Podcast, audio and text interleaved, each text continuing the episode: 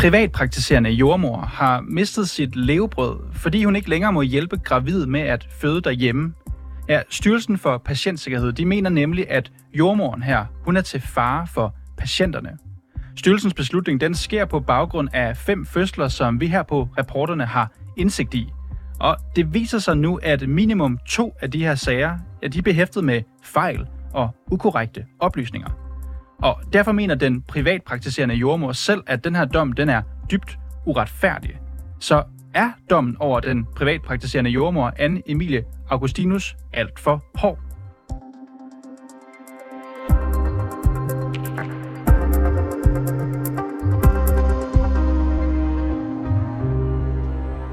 Lad os lige få sagen på plads en gang. Styrelsen for Patientsikkerhed de har i alt set fem fødselsforløb igennem, som jordmor Anne Emilie Augustinus i et eller andet omfang har været inde over, enten under graviditeten eller til selve fødslen. Men i minimum to af de her sager, ja, så kan vi på reporterne dokumentere, at der indgår urigtige oplysninger. For eksempel, Anne Emilie hun bliver beskyldt for at have født med en andengangsfødende kvinde, som tidligere har fået et kejsersnit, uden at involvere det offentlige. Men det viser sig, at der var en offentlig jordmor til stede, som blev kaldt ud til fødslen, helt i overensstemmelse med reglerne. Hun blev også beskyldt for at føde alene med en overvægtig kvinde med et for højt BMI, uden at involvere det offentlige. Men i den sag, så havde sygehuset selv sendt en sms under graviditeten, som vi på reporterne har set. Og der står altså, at Anne-Emilie, hun fint kan assistere ved fødslen uden hjælp fra sygehuset. Alligevel så har styrelsen samlet set vurderet, at Anne-Emilie Augustinus, ja, hun er til fare for patientsikkerheden, og så derfor har de besluttet, at hun må altså ikke varetage flere hjemmefødsler. Derfor har min kollega Rassan El talt med netop Anne-Emilie Augustinus, som mener, at vurderingen den er uretfærdig, fordi den hviler på et forkert grundlag. Der er meget, der er fordrejet i sagerne, og derved ser det ud som om, øh, fra styrelsens side af og fra sagkyndige læges side af, at jeg er, øh, hvad kan man sige, dybt uansvarlig i mit jordmorvirke kontra hvad der reelt set er foregået. Der kommer jo en vurdering ud fra hver øh, øh, forløb, kan man sige, ud fra de her fem forløb, og, og i hvert forløb er der simpelthen øh, grælde ting, der bliver vurderet, som ikke er korrekte, øh, og som ikke er i overensstemmelse med sandheden. Øh, Øh, det er selvfølgelig ikke sådan, at jeg bare er verdens mest perfekte jordmor. Vi begår alle sammen fejl derude, og jeg kunne også være grundigere i visse ting, som jeg gør. Øh, men det er dog ikke ens betydende med, at jeg for eksempel bringer børn og kvinder i fare. Det er ikke der, vi er. Vi er i ting som, hvordan ting bliver formuleret i en journal, for eksempel. Ikke? Øhm, og det, det mener jeg simpelthen ikke er grundlag nok for at kunne lave så stor straf, som man har gjort i, i min sag. Der har heller ikke været nogen, der har været i fare i min sag. Jeg, jeg opriser lige kort mm. de anklager, der mm. er mod dig. De går på, at du mm. har overtrådt øh, dit øh, virksomhedsområde og kompetenceområde, og altså har bevæget mm. dig længere ud, end du bør gøre som privatpraktiserende jordmor, ved ja. at varetage hjemmefødsler med det, der hedder risikopatienter, uden at involvere øh, det offentlige. Der er også den, at du påvirker de gravides valg øhm, mm. og undergraver den vejledning, der kommer fra det offentlige til de gravide. Ja. For eksempel ja. om, hvorvidt de vil føde hjemme eller ej, for, hvorvidt de vil tage imod anbefalet medicin eller ej. Og mm. det tredje er, at dine øh, journalnoter er mangelfulde, står der. Mm. Ja. Er, er de her tre anklager korrekte? Nej, det er det ikke. Øh, den sidste kan jeg måske give øh, delvis øh, medhold i, at min journalføring kunne i visse tilfælde være bedre, men de, det er ikke ensbetydende med, at, at det, som de beder om, ikke står der. Øh, men det kan være sådan noget i henhold til, at man, at man skriver et tal, i stedet for bare at skrive, jeg har lyttet hjertelød, for eksempel. Ikke? At, at på den måde kan det være mere fyldesgørende. Øh, så det kan jeg godt øh, til dels give medhold i, og det har jeg også lavet en redegørelse over, som er, som er blevet godkendt.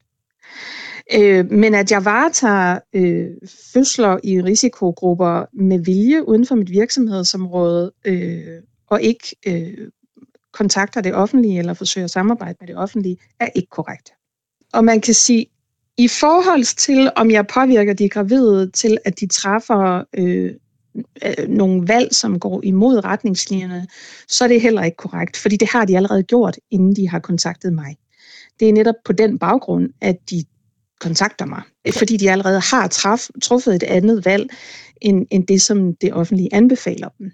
Og så møder de ikke øh, støtte i det, og søger derfor, hvad kan man sige, en second opinion, og opsøger mig. Øh, og det eneste, de også sådan set gør, det er at bekræfte mig i, at de patientrettighedsmæssigt har ret til at vælge frit. Lad os prøve at se nærmere på øh, for eksempel den øh, sag, som jo i virkeligheden sparker det hele i gang.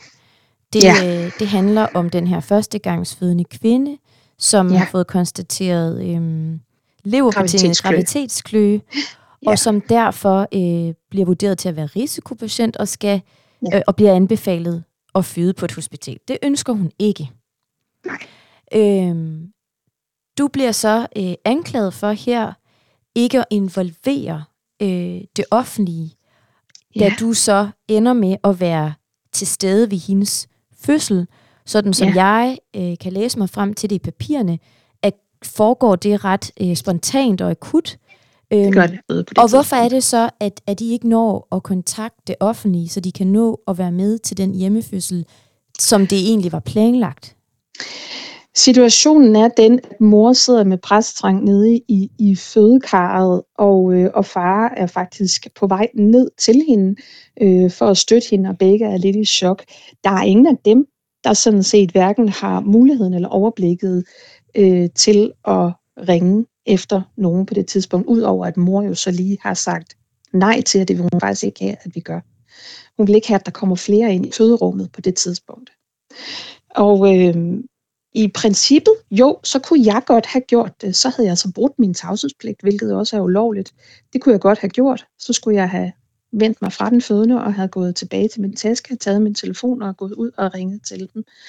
Øh, det var ikke det, jeg prioriterede. Jeg prioriterede en kvinde, der sad med pressetang, der ikke har prøvet at føde før i en akut situation, og som uden jeg vidste, hvor langt der egentlig var tilbage. Der kunne være et barn, der kom ud lige om lidt. Jeg kunne ikke vide, mens jeg stod på telefonen, om der rent faktisk ville være kommet et barn ud samtidig med. Jeg prioriterede ikke at tage den telefon, og i stedet for at være klar til at gribe baby sammen med hende. Øh, det var det, jeg prioriterede. Og det var det var det, som den første sagkyndige også vurderede var den rigtige beslutning at tage i situationen.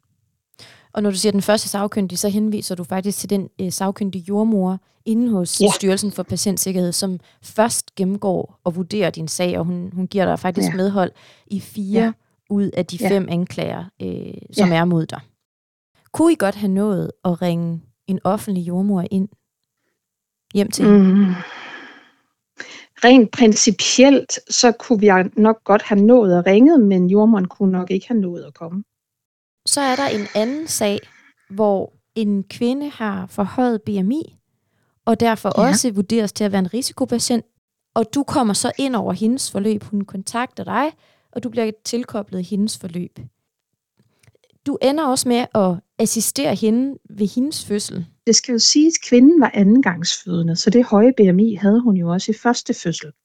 Og dermed siger jeg til hende, informerer hende om, du er jo blevet puttet i en risikokasse ligesom første gang, så du undgår ikke at have det offentlige med.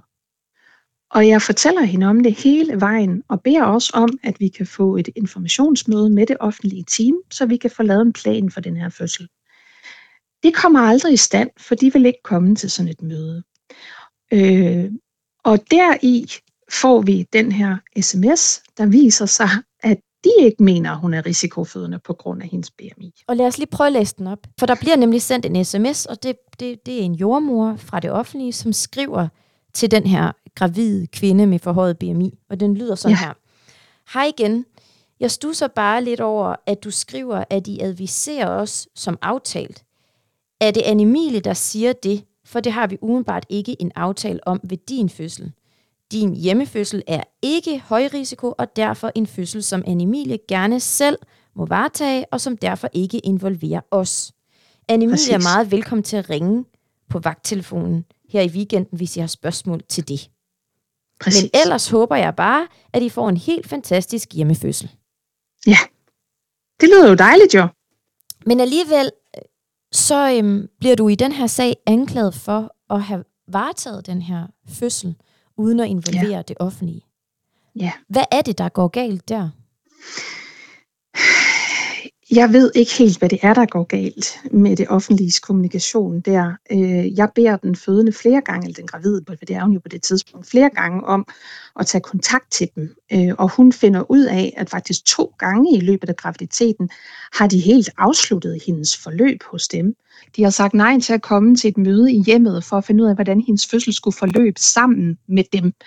Øh, og de har til sidst slutteligt skrevet en sms, at vi bare kan varetage fødslen selv, og hun ikke er i risikogruppe.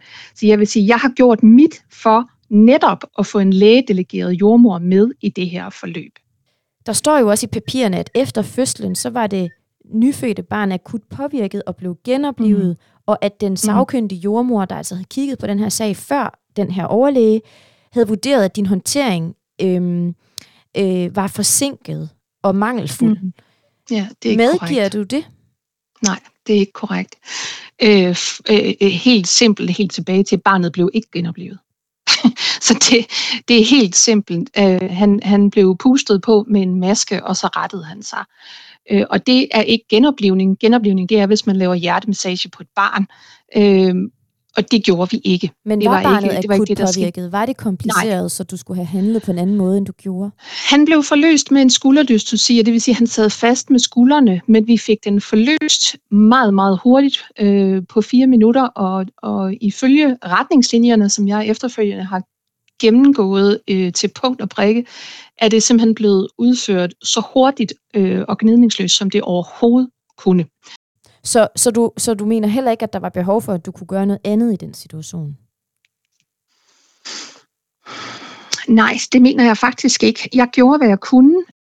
Øh, han det- var ikke akut påvirket. Det var han ikke. Men her, Han var slap, og han skulle stimuleres. Det er der mange børn, der skal. Han skulle lige have tid til at omstille sig, men han kom sig fint og godt. den tredje fødsel, Ja, det som de anfægter i den her sag, det er, at du ikke informerer den her kvinde, Ja. øh, ri- endnu en risikopatient, øhm, Ja. om, de, øhm, om de risici, der er, i og med, at Ja. hun tidligere har haft et kejsersnit. Og hvorfor Korrekt. er det, du ikke gør det? det gør jeg ikke, fordi jeg sidder med til den samtale, hvor hun får alle de risici listet op. Jeg sidder med til den samtale inde på hospitalet sammen med de to offentlige jordmøder, som også er med til at øh, skrive en plan for hendes fødsel, øh, hvor de skal deltage. Øhm, Så hun har lige siddet og fået alle de risici at vide. Jeg har siddet og været vidne til, at hun har fået dem at vide, og det står jo også i den offentlige journal, at hun har fået dem at vide. Så jeg, jeg synes, det er meget dobbeltkonflikt, at jeg så skulle, når vi kommer hjem igen, sidde og sige nøjagtigt det samme en gang til. Og så siger du jo, at, at der rent faktisk kom en offentlig jordmor ud, og havde det Ja. primære ansvar for den her fødsel. Ja, øh, Det gjorde der. fuldstændig efter planen. Ja. Men i afgørelsen, der står der sådan her. I forbindelse med selve fødslen sikrede du ikke, at en jordmor fra hjemmefødselsordningen blev tilkaldt, ligesom din overvågning af fosteret var under standarden. Ja, hvor de har det fra, det ved jeg simpelthen ikke. Vi har billedlige beviser på, at jeg står side om side med den offentlige jordmor ved siden af fødekarret. Så det er jo faktuelt forkert. Og når det er hende, der er der, så er det hende, der har ansvaret for blandt andet at lytte i hjertelyden, vurdere om kvinden skal overflyttes, eller hvad der ellers skal ske af tiltag. Så hvordan vil du beskrive styrelsens behandling af dig i den her sag? øh, urimelig. Øh, hen over alt urimelig. Og øh, overdrevet og fordrejet. Det er sådan set de ord, jeg har lyst til at koble på den. Og, øh, og så mener jeg, at det er under al kritik, at man kan som sagkyndig læge kan sidde og fremlægge faktuelle fejl i en sag, og når der så bliver gjort opmærksom på de fejl, så bliver der ikke gjort noget ved det. Hvad har det haft af konsekvenser for dig? Det har haft kolossale konsekvenser for mig, fordi jeg har jo måttet lukke min virksomhed. Og det vil sige, at jeg har mistet hele mit livsgrundlag. Fra at have en meget øh, velfunderet og velfungerende øh, virksomhed, så øh, har jeg mistet, øh, vi har mistet en, en månedlig indkomst øh, hjemme ved os, hvilket også har haft øh, kolossale omkostninger for vores familie.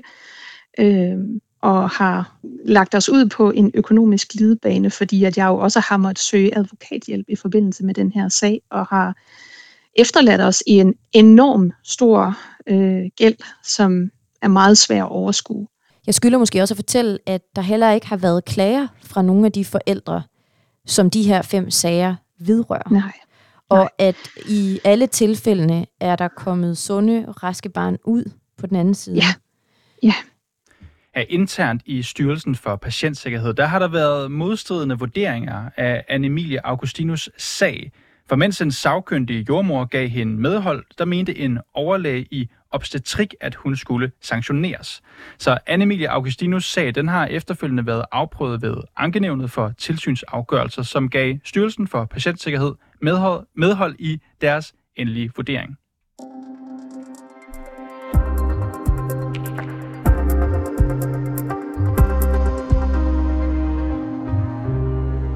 Her på landsplan, der findes der cirka en håndfuld privatpraktiserende jordmødre, som varetager hjemmefødsler.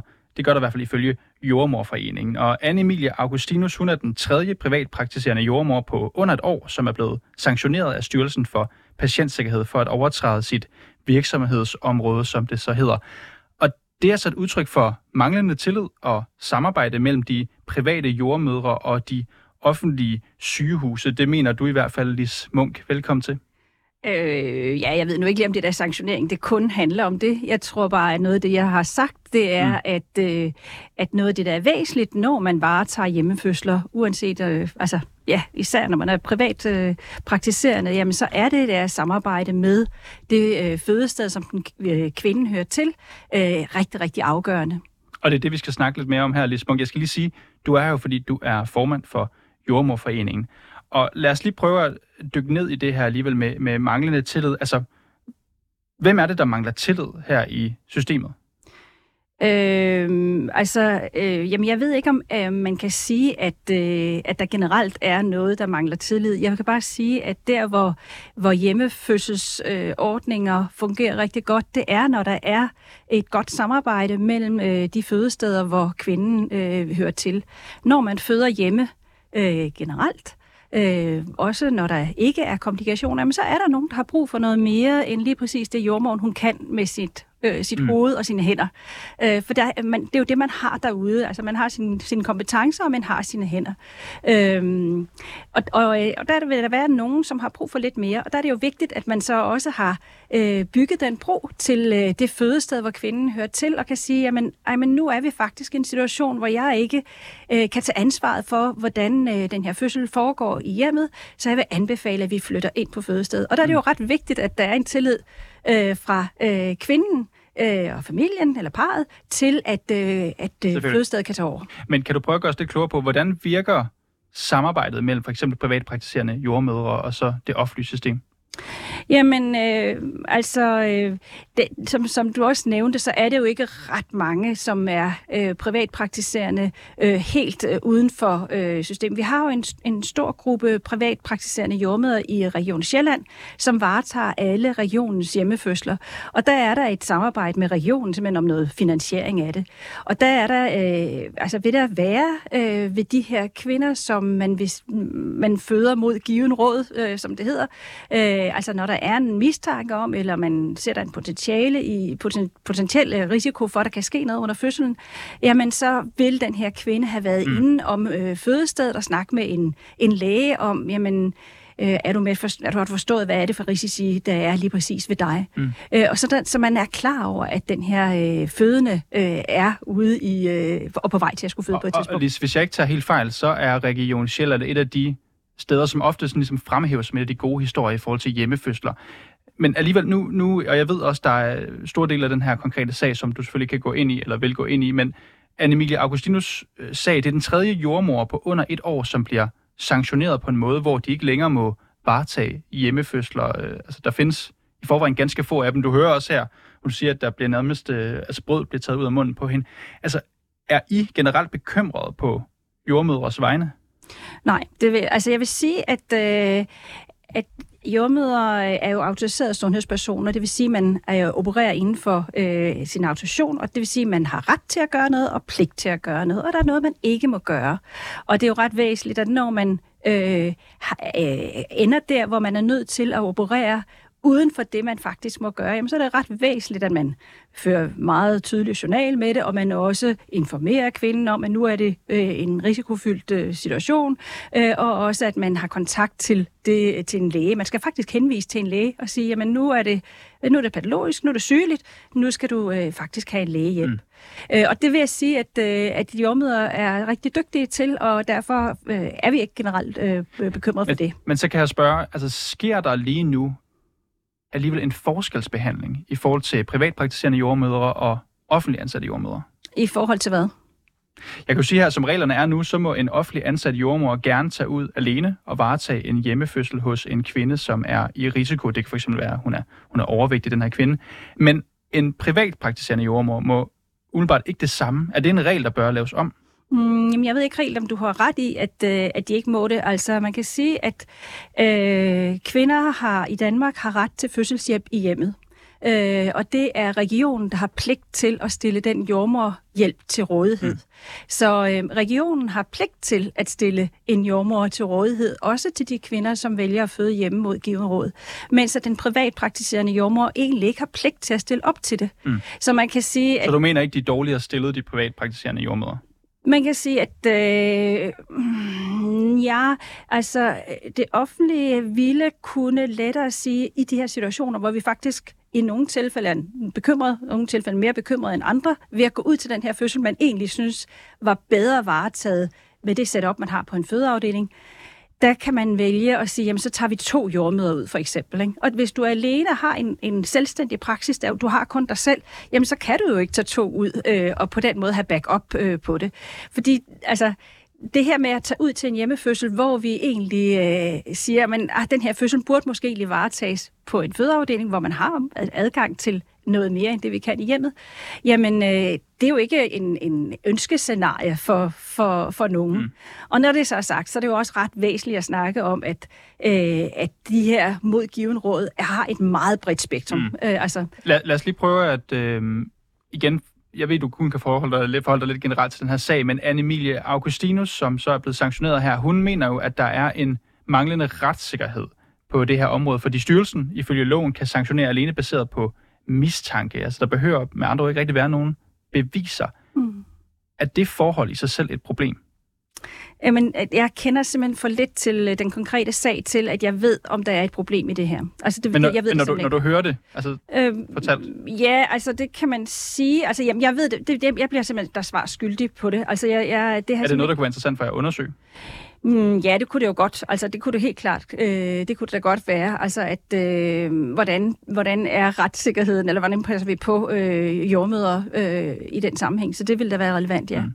Og jeg kan heller ikke lade være med at spørge, altså selvom du ikke vil forholde dig konkret til den her sag, så kan Styrelsen for Patientsikkerheden, kan den slippe sted med at have behandlet en sag, hvor vi så i hvert fald kan dokumentere, at i to af tilfældene, så er der altså ukorrekte oplysninger, som de her anklager, anklager de hviler på?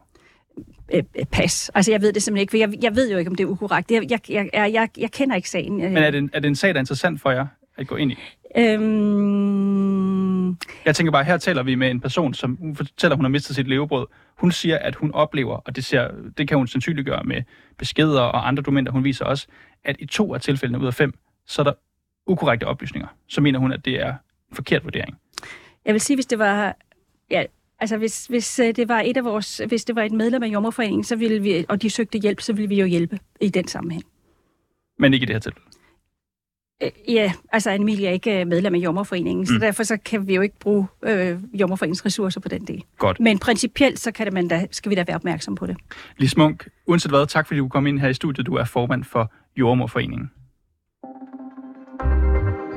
Og vi har også forsøgt at få et interview med Styrelsen for Patientsikkerhed for at forholde dem de ukorrekte oplysninger, som ifølge Anne Emilie i hvert fald er indgået her. Men styrelsen de har trods samtykke fra jordmoren selv afvist at stille op og kommentere den konkrete sag. Men reporterne følger op på sagen her, og i næste uge så vil du blandt andet kunne høre beretningen fra forældrene i et af de flere og et af de omtalte fødselsforløb. Og bag den her historie er Rassan El Nakib. Mit navn det er Niels Frederik Rikkers, producer og